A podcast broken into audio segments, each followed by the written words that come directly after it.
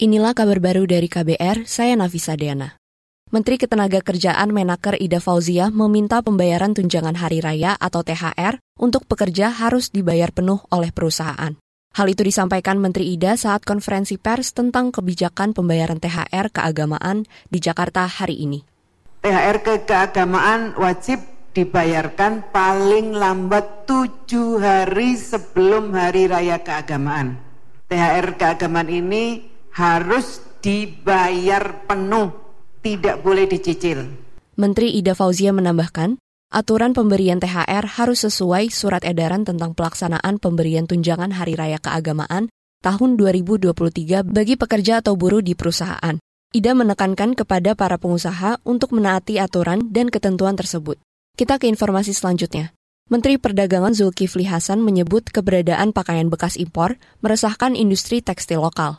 Itu disampaikan Mendak di sela pemusnahan 7 ribuan karung atau bal pakaian bekas impor ilegal di Jakarta hari ini. Dan ini membahayakan ekonomi kita. Jelas terang karena selundupan.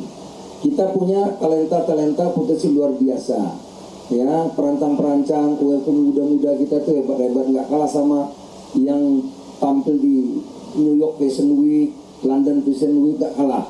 Tapi kalau lingkungannya kita diganggu begini, mereka nggak berkembang gitu ya jadi ini sudah 31 persen itu bukan lampu kuning lampu merah sudah Mendak Zulkifli Hasan mendorong peran pemerintah daerah dan masyarakat untuk mendukung langkah aparat penegak hukum memberantas peredaran pakaian bekas impor.